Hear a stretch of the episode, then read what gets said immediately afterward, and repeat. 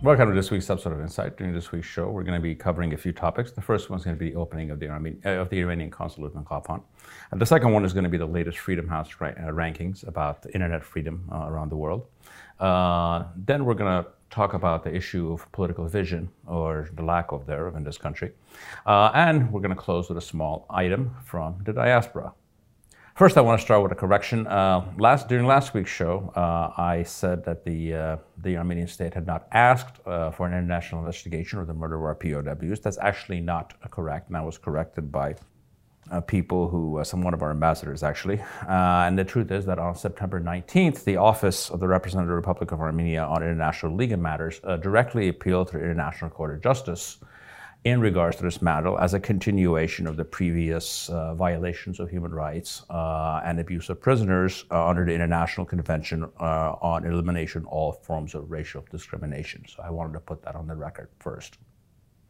The first item that we're going to be discussing is the opening of the Iranian consulate in the city of Kapan.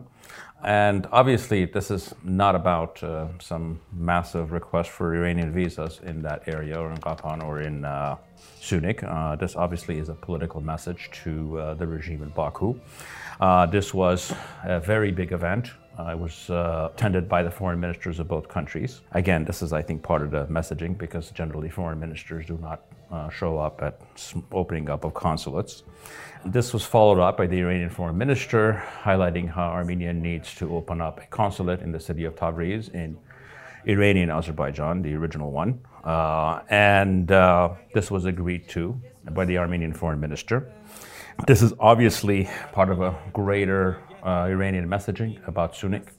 They've been very clear about how Syunik is important to Iran. Uh, and this has also, frankly, been joined by multiple different countries, whether it's the US or EU, have multiple, multiple programs, some known, some unknown, in Syunik that are essentially making the same case to the Azeri regime. Let's move on to the uh, second item of the week, which is the uh, Freedom House survey on internet freedom. Uh, now, let me explain what Freedom House is. Freedom House is a is an organization. It's a nonprofit that's set up by the U.S. government to track freedom around the world. Obviously, it's you know it's uh, on some level carrying out U.S. foreign policy. We shouldn't be naive about that. In these rankings, which you know have very complicated formulas, uh, Armenia got a high, got a very high score on internet freedom, which is at 74, only a few points lower than most Western countries. Now, some might think this is actually not that important or is somewhat of a trivial issue, and anybody who says that is actually 100% wrong. Uh, why it matters if you look at the map, uh, except because what, uh, outside of a few anomalies out there, uh, there's a direct correlation between internet freedom and freedom in general and prosperity. Uh, so that is something that is quite important to us as we're continuing to develop our economy and hopefully having a far more affluent country. Uh, it also works directly into our branding and messaging. And what is that? Which we're an island of freedom in the Sea of Tyranny. And if you look at that map, you can clearly see that. If you look at that map carefully, what you will see is uh, there's a small island of Armenia and Georgia, and you essentially need to get all the way out to Japan to have countries that enjoy the internet freedoms that we do.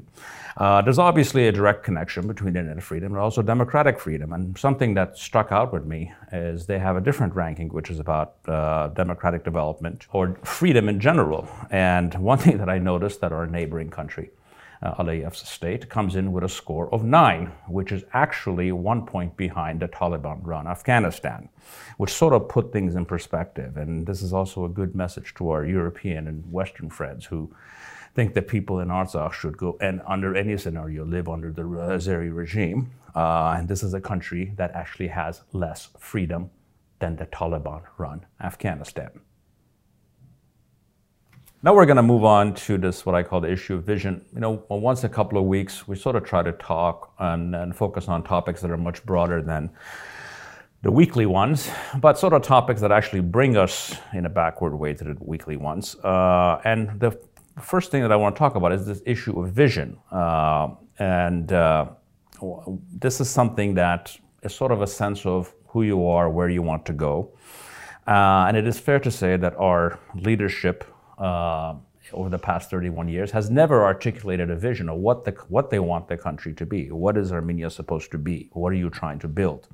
Uh, I'm frankly not interested in going over the failings of each of the four people that have run this country over the past 31 years. That's not particularly helpful. It's a waste of energy. However, I think it would be fair to say that for the most part, uh, they didn't have a vision of what kind of a country that they wanted to build. And if they had it, they actually never articulated it. You know, there's a very famous quote in the Bible where it says, uh, without a vision, the people perish. Uh, and uh, and that's actually very true. Uh, without a vision, what you're, without something that you're working towards, uh, what you get is people that get blown off in different directions by this person saying this, this person saying that. They're not really grounded in reality. Uh, you become essentially what we are today, which is a leaderless people, a rudderless people. Uh, that can be confused by an army of politically motivated media figures and uh, self appointed experts. Now let's talk about what our vision should be. And we've sort of discussed this before, and I think our vision uh, should be this, is what I call the three nevers, uh, which is the lessons of the 2020 war and everything that's come after that. We should never be poor again. We should never be politically isolated, isolated again, and we should never be weak again militarily. And all of this in the context of preserving the freedoms that we have in this country, even though they're certainly not perfect and they need to be improved, but that should be our vision.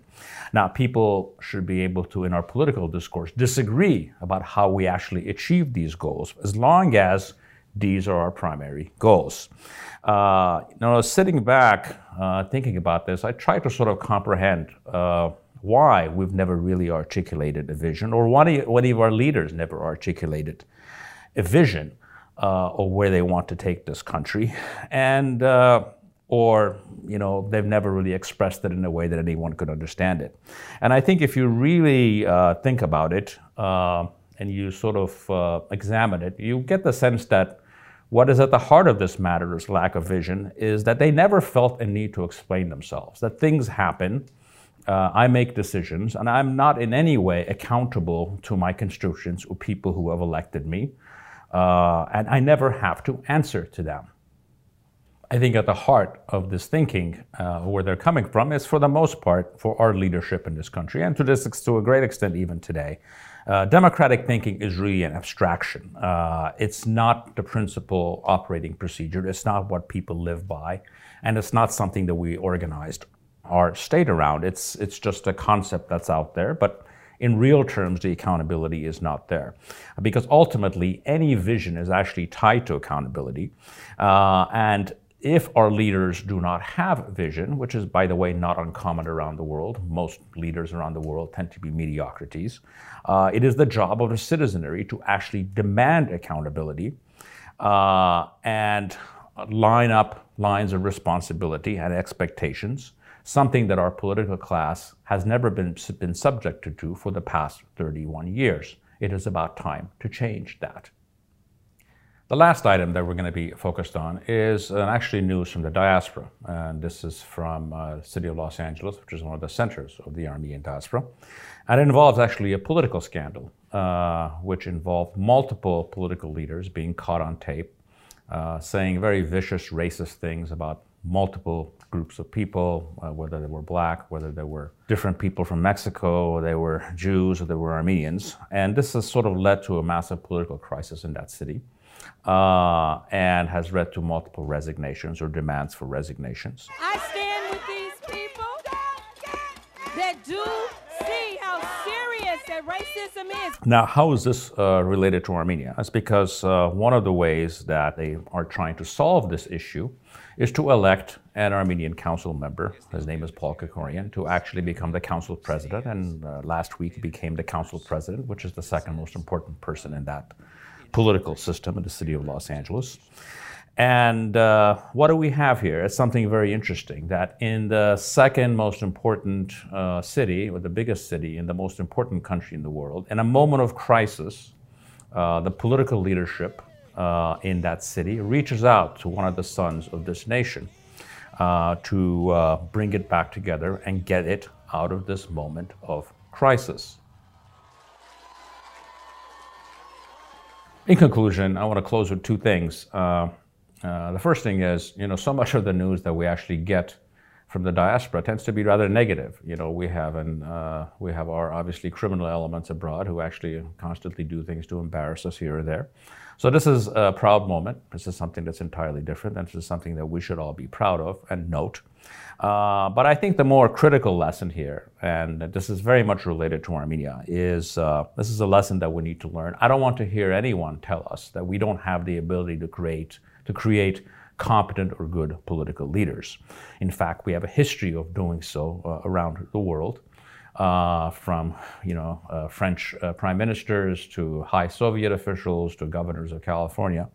Uh, so we're actually capable of producing political leaders, and in rare occasions we've done so here.